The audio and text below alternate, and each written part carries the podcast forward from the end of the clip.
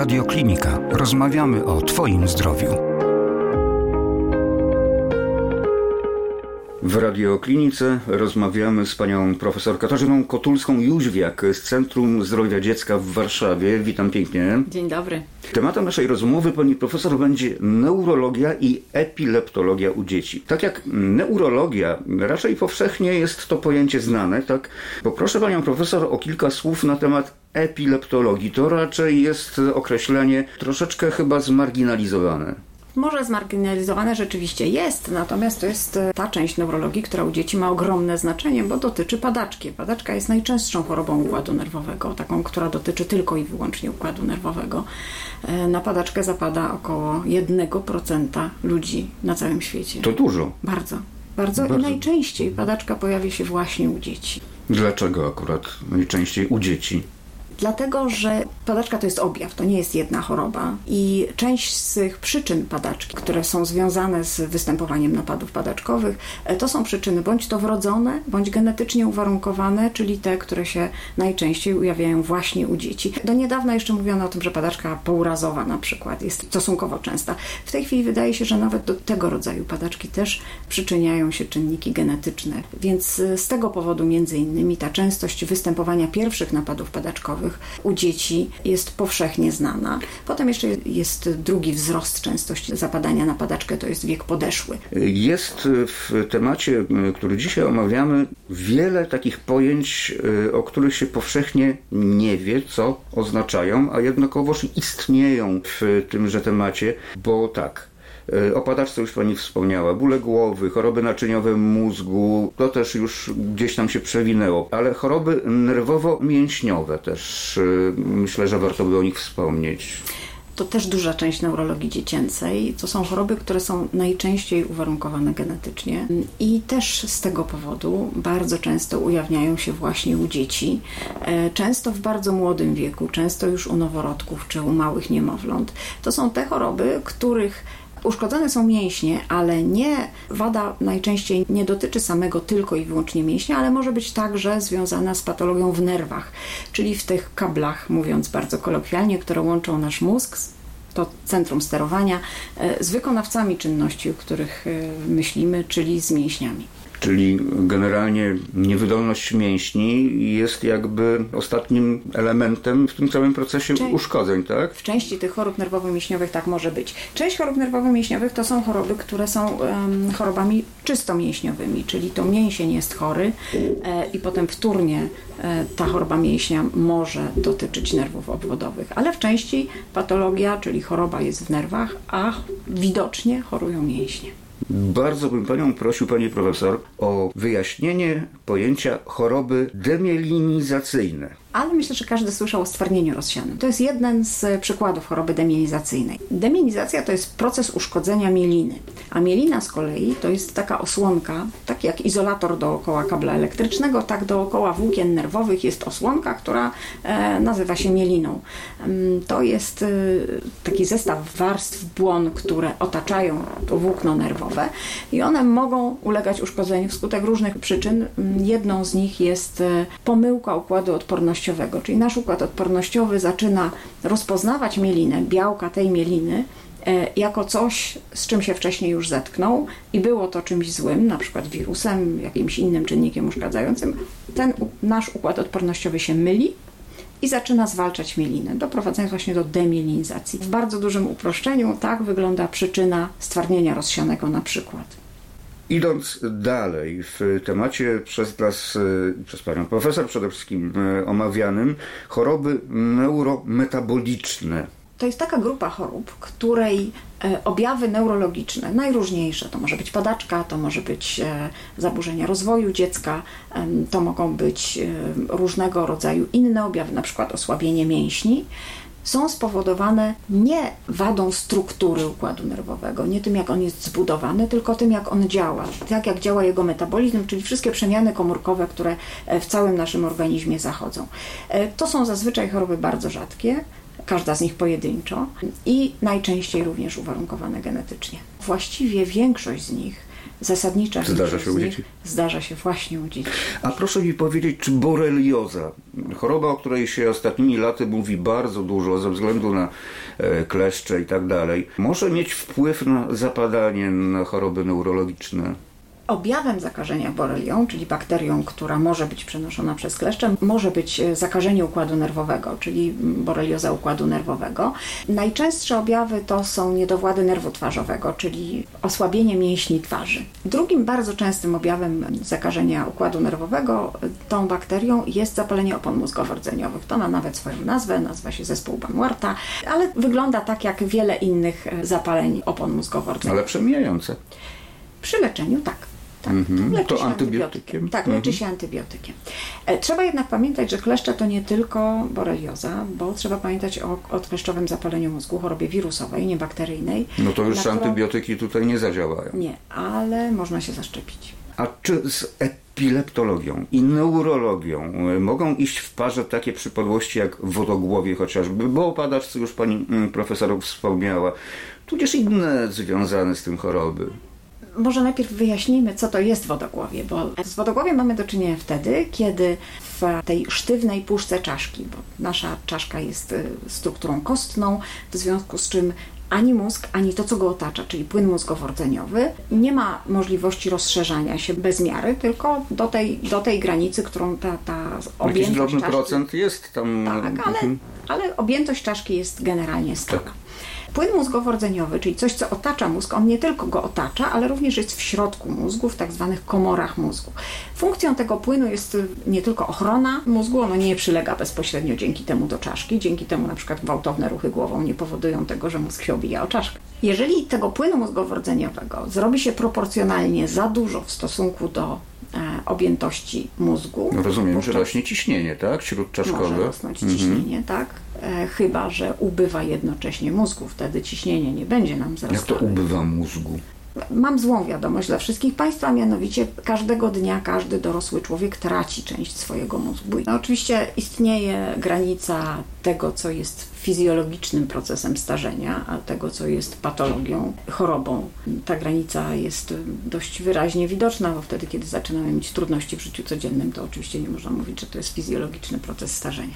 Niemniej jednak u dzieci z tym procesem też mamy do czynienia i może on występować szybciej, być przyspieszonym. W związku z tym jeżeli proporcja mózgu do płynu mózgowo-rdzeniowego jest zachwiana na niekorzyść mózgu, mamy do czynienia z wodogłowiem. To znowu duże uproszczenie, ale myślę, że możemy je przyjąć. No i wracając do mojego pytania, czy to wodogłowie może towarzyszyć y, przypadłościom epileptologicznym, neurologicznym u dzieci? Tak, wodogłowie może być zarówno przyczyną padaczki, jak i e, towarzyszyć jej na pewnych etapach jej rozwoju. Mm, Padaczki są bardzo różne. Są padaczki, które się dobrze leczą lekami, a są takie, których się lekami opanować nie da. Niestety z takimi przypadkami też mamy do czynienia. To jest tak zwana padaczka lekooporna. Mówimy o niej wtedy, kiedy jeżeli u pacjenta zastosujemy dwa dobrze dobrane leki i one będą w dobrej dawce i pacjent je będzie dobrze tolerował, dzięki czemu nie będziemy musieli ich odstawić z tego powodu, że są działania niepożądane i dalej są napady, no to wtedy mówimy o tym, że to jest padaczka lekooporna. Jeśli chodzi o padaczkę nielekooporną, to ona jest y, uleczalna? W niektórych przypadkach tak, to znaczy w niektórych przypadkach mamy do czynienia z sytuacją, że lekami uzyskujemy ustąpienie napadów. Wówczas dajemy jeszcze standardowo dwa lata na to, żeby mózg się przyzwyczaił do tego, że już napadów nie ma i potem próbujemy leki odstawić. W wielu przypadkach się to udaje. To obiecująco brzmi. Gorzej z tą lekooporną padaczką, ale są też chyba sposoby na to, żeby to jakoś opanować. Są takie metody leczenia, które są zarezerwowane dla padaczek lekoopornych, dlatego że wiążą się z większym ryzykiem. I one y, mogą być skuteczne w niektórych przypadkach, ale tu znowu z jednej strony to jest dobra wiadomość, bo w części tych przypadków lekoopornych można zastosować skuteczne leczenie, ale część niestety nadal pozostaje lekooporna mimo zastosowania wszystkich metod leczenia. I tutaj pole do popisu dla wszystkich naukowców na badania nad padaczką lekooporną są bardzo zaawansowane. Takie badania są także finansowane przez różne agencje naukowe. Komisja Europejska finansuje tego typu badania. W Polsce finansuje je Agencja Badań Medycznych. Jak rozumiem, y, zresztą to w prosty sposób wynika z toku naszej rozmowy, to diagnozowanie chorób neurologicznych, y, epileptologicznych u dzieci jest jakby oczywiste. E, oczywiście wtedy, kiedy pacjent ma już te objawy, które są na przykład związane z padaczką, tak? czyli ma napady, no to wtedy można mówić o pewnej oczywistości. Choć są i takie na, rodzaje napadów padaczkowych, które mogą budzić wątpliwości, czy to rzeczywiście padaczka, czy też nie. Nie każda padaczka wygląda tak, jak może mamy wdrukowane w, w świadomość z filmów, że mamy drgawki cztero kończynowe, czyli całego ciała. Padaczka może wyglądać tak, że jest to po prostu chwilowe zaburzenie świadomości. E, I to łatwo z czymś pomylić. Padaczka może wyglądać tak, że komuś coś wypada z rąk. No to można pomylić chociażby z mikroudarem mózgu z różnymi rzeczami i rzeczywiście czasami bywa to trudne. Niemniej jednak, kiedy napady są i kiedy wiemy, że one mm, występują, mamy zresztą możliwości potwierdzenia tego, bo możemy zobaczyć, jak mózg działa, nie tylko jak wygląda, tak wykonując badanie obrazowe, na przykład rezonans czy tomografię, ale możemy też zobaczyć, jak on działa. I do tego służy badanie elektroencefalograficzne, czyli EEG. Mało tego, możemy to EEG połączyć z nagraniem wideo i wtedy możemy zobaczyć, czy ten incydent, który wydaje nam się, że jest napadem, albo nam się wydaje, że napadem nie jest, wiąże się z takim typowym napadowym zapisem w tej czynności mózgu. I to jest najlepsza metoda diagnostyczna, stosowana bardzo powszechnie. I... EEG tak, to już od wielu dziesiątków lat jest tak. stosowane to tak, badanie, ale... ale skoro jesteśmy przy EEG, pani profesor, to może poproszę o słów kilka o elektrodach głębinowych EEG. Jest taka możliwość, żeby zapis czynności mózgu nie pochodził z powierzchni czaszki, e, jak można się domyślić, element kostny, który nad mózgiem się znajduje, on będzie źródłem mm, nie tylko wytłumiania tego sygnału, który odbieramy, to jest sygnał elektryczny, ale, ale także będzie związany z tym, że e, mogą powstawać dodatkowe zjawiska, których nie chcemy, które będą nam zakłócać ten odbiór tego sygnału. Mało tego, jesteśmy w stanie na tę powierzchnię czaszki nałożyć pewną liczbę elektrod i to może być nie dość dokładne. Może to wyglądać jak taki siatkowany czepek, na który są nakładane te elektrody, ale może też być tak, że jeżeli chcemy taki zapis prowadzić dłużej, y, możemy te elektrody taką specjalną pastą przytwierdzić do skóry głowy, no, nie usuwając włosów i to daje nam troszeczkę dokładniejszy zapis. Jak długo te badania trwają? Standardowo badanie EEG trwa godzinę. Natomiast bywa tak, y, w sytuacjach, w których właśnie mamy do czynienia z lekooporną padaczką, chcemy dokładnie pokazać, gdzie jest ognisko padaczkowe, bo czasami padaczka bierze się z jednego konkretnego miejsca w mózgu. Czasami to jest zapis nie dość dokładny. I czasami po to, żeby wskazać dokładnie miejsce, z którego pochodzi padaczka, po to, żeby ewentualnie móc interweniować operacyjnie, i usunąć to ognisko padaczkowe, lecząc w ten sposób padaczkę, potrzeba jest bardzo precyzyjnego pokazania miejsca, w którym napady powstają. I wówczas robi się zapis EEG z elektrod, które są umieszczane w mózgu. To nie tylko daje nam miejsce, tak jak EEG, takie z powierzchni czaszki, to jest powiedzmy 2D, tak? tylko to daje nam możliwość 3D tak? No bo to na pewną głębokość dodatkowo, plus jeszcze no jest to bardzo, bardzo dokładnie umieszczane w, oczywiście te miejsca, gdzie się te elektrody umieszcza w mózgu są wcześniej dokładnie, precyzyjnie wskazywane, gdzie należy je te elektrody umieścić na podstawie tego badania zwykłego EG oraz na podstawie badań obrazowych różnych, które się wykonuje. I to jest dobry moment, żeby powiedzieć, iż przypadłości padaczkowe można leczyć dwojako zarówno farmakologicznie, jak i operacyjnie, bo wspomniała Pani o chirurgii tutaj, czyli co, wycina się tam fragment, przepraszam, że tak dramatycznie, ale co, fragment mózgu się wycina? To jest możliwe. Ten fragment, który odpowiada za padaczkę, można usunąć e, i takie zabiegi są z reguły związane z dobrym wynikiem leczenia przeciwpadaczkowego, jeśli jesteśmy w stanie rzeczywiście pokazać, to jest miejsce odpowiedzialne za powstawanie napadów i tego miejsca należy się pozbyć. Ale to jeszcze chciałam powiedzieć, że to nie tylko leczenie farmakologiczne i operacyjne, bo są jeszcze inne metody leczenia. A no proszę, to jest okazja, e, żeby o tym wspomnieć. Są jeszcze inne metody mhm. leczenia. Do metod operacyjnych, ale nie takich polegających na wycinaniu części tego ogniska padaczkowego. Nie takich inwazyjnych? Inwazyjnych, ale mniej. Inwazyjnych, ale powiedzmy, że mniej. Należy na przykład stymulacja nerwu błędnego. To jest taki mechanizm, który wykorzystuje to, że możemy przez zmianę czynności jednego nerwu, nerwu błędnego, taką elektrodę umieszczając na szyi e, pacjenta, możemy zmieniać funkcjonowanie mózgu. Na szczęście ta zmiana dotyczy tylko i wyłącznie tej części nadmiernego pobudzania aktywności mózgu, czyli tego, co właściwie leży u podłoża padaczki. Są też inne jeszcze metody, bo można leczyć padaczkę dietetycznie.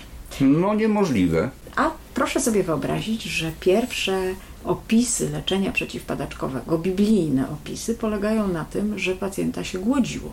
Głodówka w tej chwili się jej nie stosuje jako tej metody dietetycznej, tylko się ją zamienia na specjalny sposób postępowania dietetycznego, e, ale głodówka powoduje, że mózg zaczyna korzystać z innych substancji niż glukoza, z tej, której normalnie korzysta, niż cukier. I mm, dodatkowo powstają e, tak zwane ciała ketonowe, czyli coś, co klasycznie każdy w czasie głodzenia wytwarza i te substancje mają e, działanie przeciwpadaczkowe. Taka opcja istnieje. Problem tylko polega na tym, że taka dieta musi być utrzymywana stale i ściśle. Stosować tęże dietę ketogenną, czyli dietę w zasadzie pozbawioną cukru, e, nie tylko tego cukru białego, który dosypujemy do herbaty, tylko no, cukrów węglowodan, prostych, tak? węglowodanów. W zasadzie bardzo ograniczone, bardzo ograniczone węglowodany. Dieta jest oparta głównie o tłuszcze. Tak, bo powiedzmy, że ten cukier, którego używamy na co dzień, jest cukier złożony.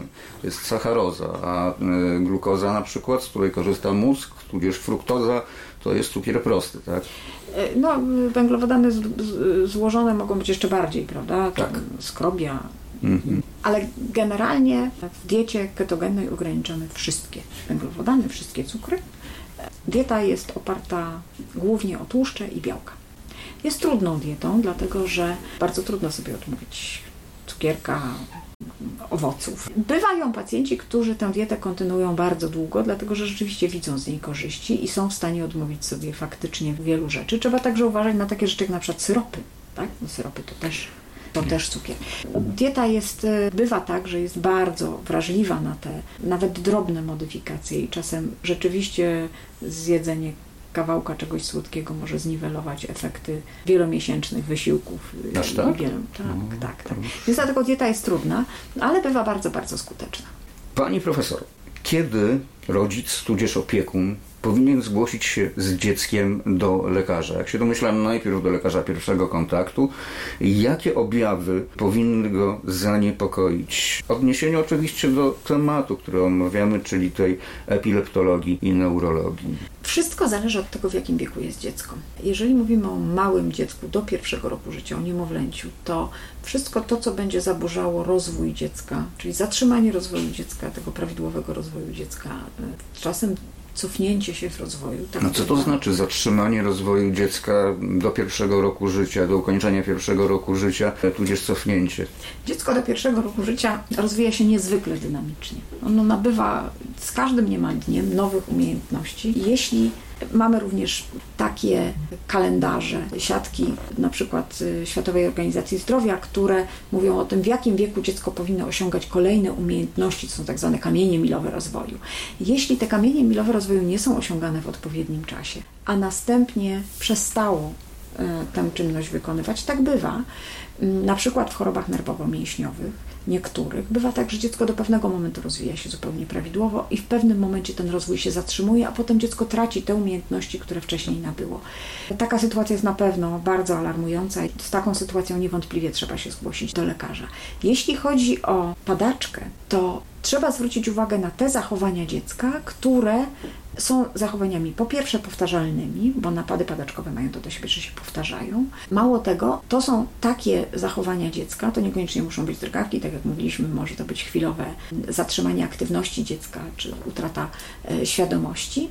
Jeżeli tego nie da się przerwać, bo czasami dziecko się po prostu zapatrzy, ale jak zwrócimy jego uwagę, no to odwróci ten, tę uwagę. Ale jeżeli tego się nie da przerwać, ten wzrok dziecka nadal jest y, nieprzytomny, nie, da się odwrócić uwagi dziecka, to też jest taka sytuacja, która powinna budzić niepokój. Wreszcie są takie sytuacje, w których możemy zapobiegać rozwojowi chorób układu nerwowego, zamiast leczyć późniejsze ich fazy. I z taką sytuacją mamy do czynienia w niektórych chorobach nerwowo-mięśniowych. My badając genetycznie dzieci program badań przesiewowych, na przykład w kierunku jednej z najczęstszych chorób nerwowo-mięśniowych, czyli rdzeniowego zaniku mięśni. Jeśli ten wynik jest nieprawidłowy, to niewątpliwie powinniśmy reagować, zanim jeszcze dziecko będzie miało objawy choroby. Jest też szereg chorób rzadkich, w których pierwsze objawy choroby nie są wcale neurologiczne, a jednak dziecko powinno zdecydowanie się do neurologa zgłosić. Ja podam taki przykład. Jest taka choroba, która się nazywa stwardnienie guzowate. Jest to choroba, której pierwszym objawem są guzy serca u płodu.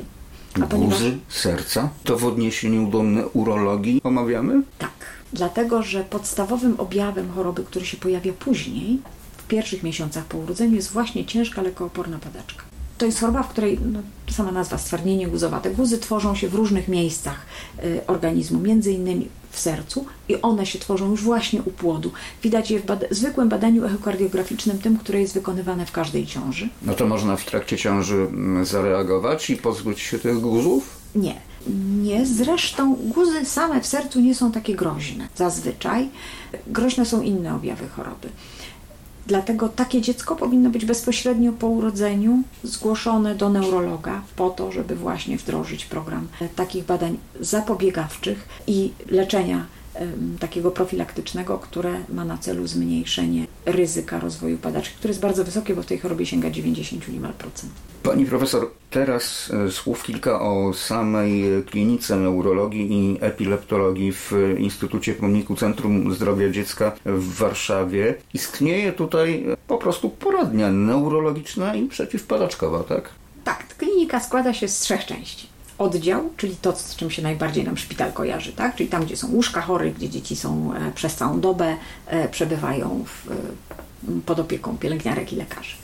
E, składa się z poradni, która no, jest bardzo duża. Mamy kilkanaście tysięcy porad rocznie. I pracownię EMG i potencjałów wywołanych. EMG? Tak, czyli pracownia elektromiografii, to jest z kolei zapis czynności mięśni. No to mamy już dość szeroki obraz e, Państwa działalności, ale wspomnijmy o tym, że Państwa klinika, a jesteśmy, jako się rzekło, w klinice neurologii i epileptologii w Instytucie Pełniku Centrum Zdrowia Dziecka w Warszawie prowadzi działalność nie tylko terapeutyczną, ale i naukową i dydaktyczną, co jest w moim odczuciu niezwykle istotne. Nie jesteście tylko lekarzami, ale również naukowcami, którzy zgłębiają poszczególne tematy i to chyba w odniesieniu nie tylko do epileptologii czy neurologii dziecięcej, ale podejrzewam, że również do innych specjalności, z którymi tutaj mamy do czynienia. Te dwa, a właściwie nawet trzy filary naszej działalności są zawsze ze sobą bardzo powiązane. Pierwszy to jest ten y, filar